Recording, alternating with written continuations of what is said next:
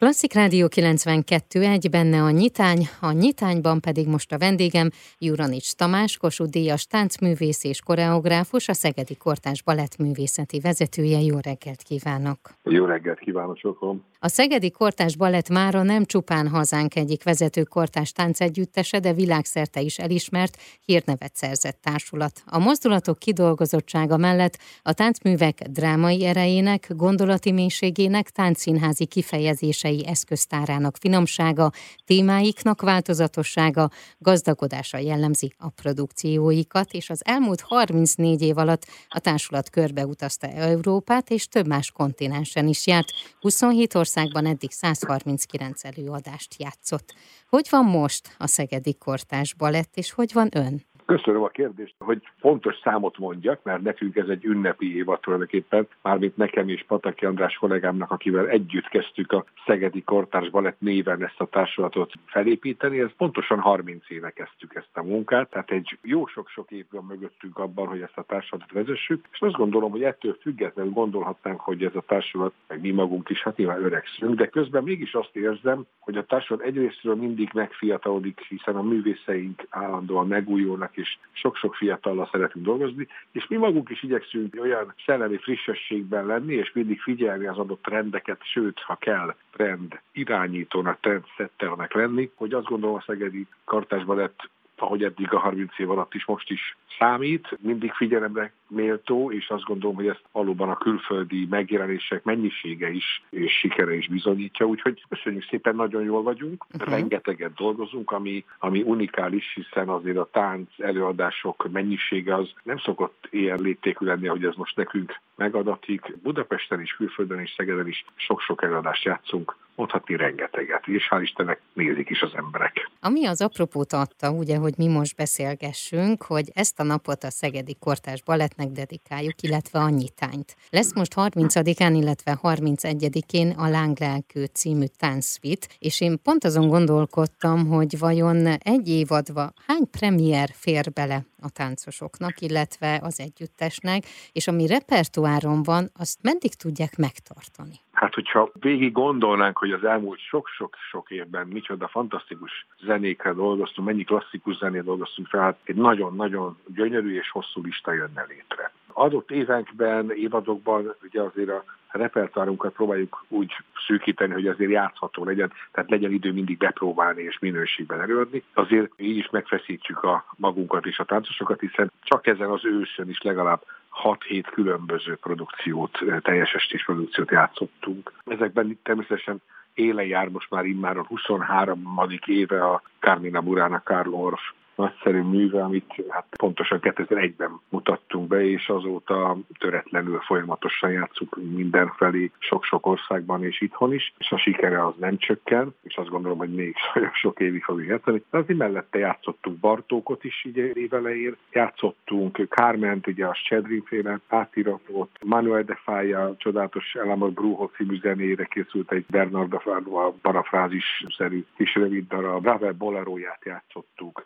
Egy nagyon széles, és akkor mellette a gyerekdarabok, ugye Csajkovszki diótörőjét játszuk nagyon sok éve, 12 éve, és ismét játszottuk most a műpában a Hambibőkét, Prokofjev csodás zenéjét. Úgyhogy nagyon széles a, a repertoár, nyilván ezt az egész színességet valahogy a társulat saját egyedi nyelvezete az, ami összeköti, és az a fajta valóban sokszor filozófikus és drámai gondolkodás mód és színpadi megjelenítés, amit, ami a társulat sajátja. Most legközelebb a Szegedi Kortás Balettet január 30-án és 31-én láthatják a Szegedi Nemzeti Színházban a Lánglelkű című táncvit, ami három felvonásban öt képen látható. És ugye ennek a darabnak az az érdekessége, hogy a tavalyi évben volt a Petőfi emlékév, és ez ehhez kapcsolódóan készült.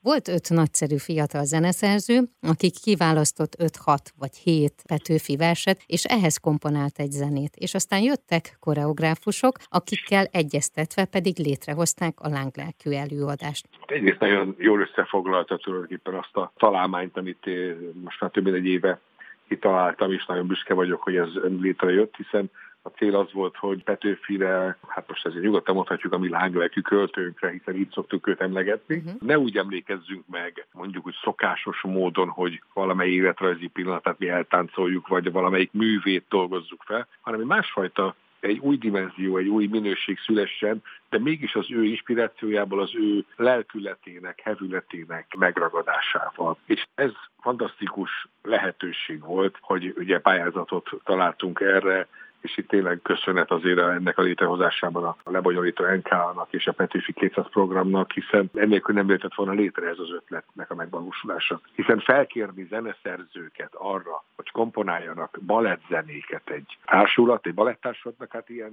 utoljára Gyagi Levéka történt, amit én nekem ráadásul egy fantasztikus, nagyon számomra nagyon ideális korszak, és nagyon szeretem azt az időszakot, és én magam rengeteg művet komponáltam újra azok közül, a művek közül, amik nekik készültek. Ugye a Balé Rüsznek még annak ide, a Stravinsky műveket, Ravel műveket, a Richard Strauss, tehát egy csomó, ők rendeltek zenéket valóban a korszak nagy zeneszerzőitől, és azt gondoljuk, most mi is ezt tettük. Rendeltünk zeneműveket fiatal, nagy reményű zeneszerzőktől. Ők elvállalták, és mi ezt meg is kaptuk. Hát azt gondolom, ez igazán unikális a, a magyar zenei és táncpiacon, hogy ilyen kreatúrák szülessenek.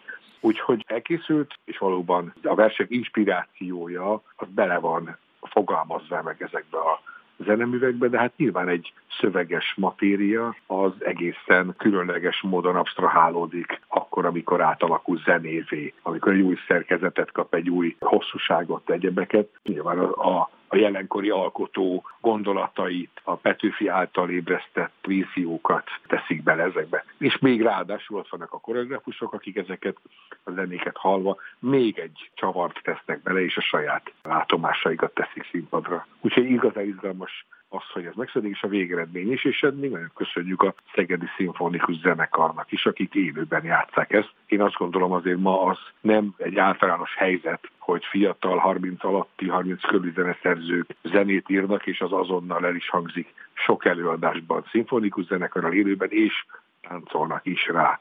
Hát mi, hál' Istennek ezt megtehettük most.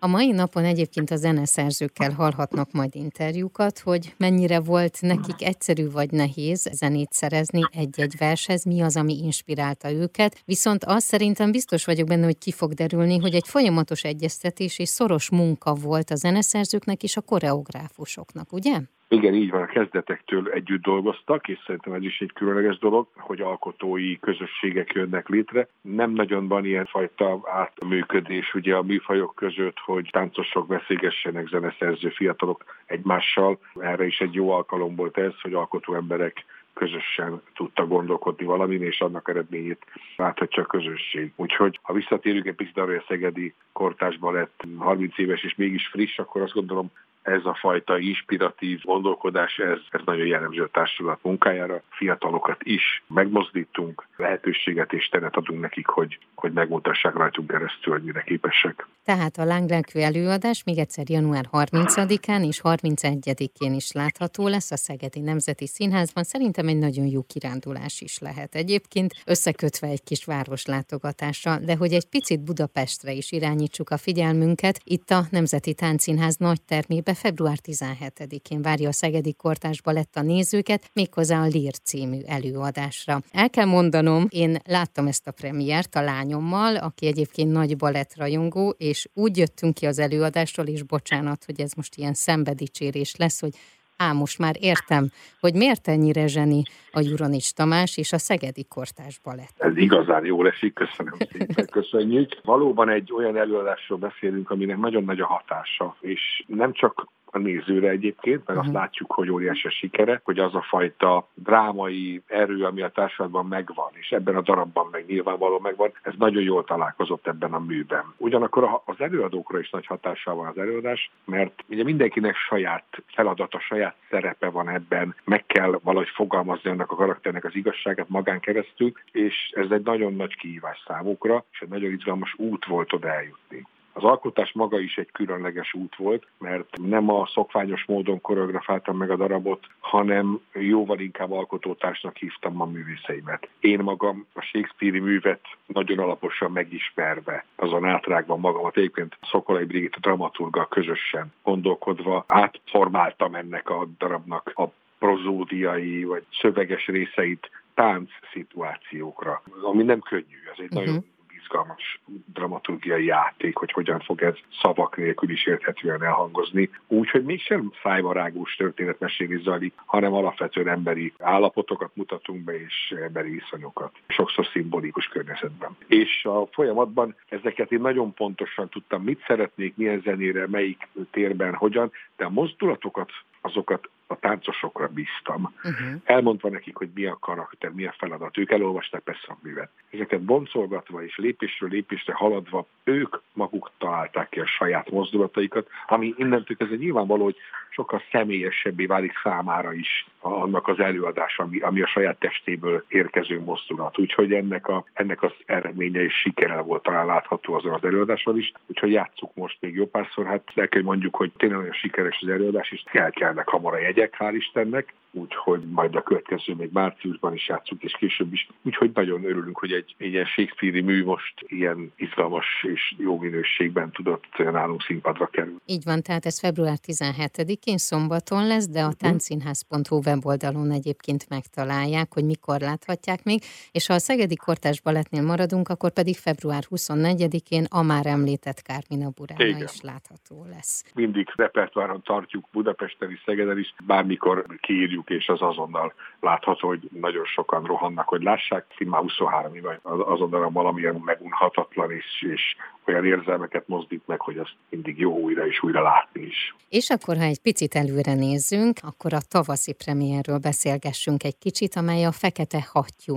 táncjáték lesz. Ennek van köze a hattyúk tavához? Tulajdonképpen egy hattyúk tava parafrázis lesz, olyannyira, hogy Csajkovszki zenéjét imádom, mármint sok zenéjét imádom, és ezt is, és már régebben egyébként én magam készítettem egyszer egy hattyúk tava című táncjátékot, most kifejezetten nem akartam hattyúk tava címet adni neki. Igen, Csajkovszki lesz a téma, ugyanaz lesz tulajdonképpen a fajta furcsa rejtett világ, az elvarázsolása, a lélek különböző mélységeinek kutatása. Ugyanakkor ez egy érdekes játék, hiszen azóta volt egy film, ami ezt a címet nagyon erősen és emblematikusan megmutatta, és abból érezhető, hogyha ilyen címmel foglalkozik valaki hatjuk a témával, akkor az valószínűleg egy ilyen pszichoanalitikus megközelítés lesz. És ez így is van. Ráadásul amiket mi társulhatunk azért egy 15-16 fős társulat, tehát nem is ígérhetnénk azt a a nézőnek, hogy mi hattyúk tavát játszunk úgy, ahogy azt ő elvárja, hiszen abban mindig van egy elvárás, hogy ott sok hattyú és nagy fehér kép, fekete kép, tehát hogy ezeket nem tudnánk teljesíteni, ugyanakkor azt gondolom a, a lélek mélységeinek vájkálásában meg nagyon jók vagyunk, és ezért ez a megközelítés. Az is igaz, hogy ebben a történetben azért mégis másfajta oldalról fog majd ez a, ez a hattyú történet megmutatkozni. Nagyon sok esetben pont az ellenkezője történik, és pont az ellenkezőjét jelenti az adott szimbólum, mint az eredeti művem. Egy izgalmas játék, mondom, a, a témával és az eredeti történettel.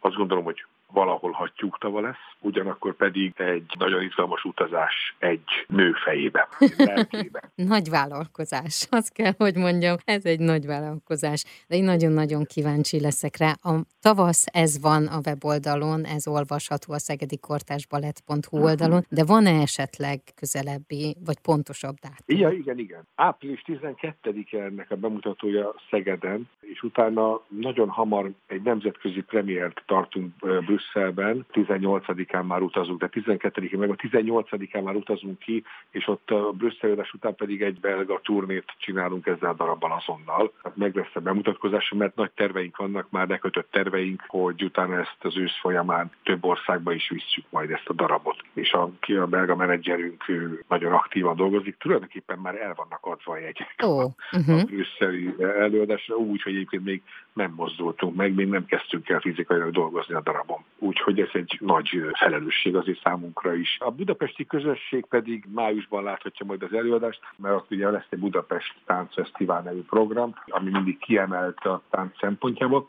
és annak keretén belül egyébként a hatjuk tovább budapesti bemutatónként meg fogjuk majd csinálni. Meg is tudom mondani, ez május másodikán lesz a Nemzeti Táncszínház. Úgyhogy sűrű a, sűrű a program gondoljuk, hogy nagyon szép előadásokkal fogunk újra megjelenni. Én kívánom, hogy mindegyik előadás bárhol is legyenek, legyen az Szegeden, Budapesten vagy külföldön, mindegyik teltház előtt zajlódjon, és hogy mindegyik darab nagyon sokáig legyen repertoáron, és hogy szülessenek újabb, fantasztikus előadások. Nagyon szépen köszönöm a beszélgetést. Én köszönöm a beszélgetést. Viszont hallásra sokan.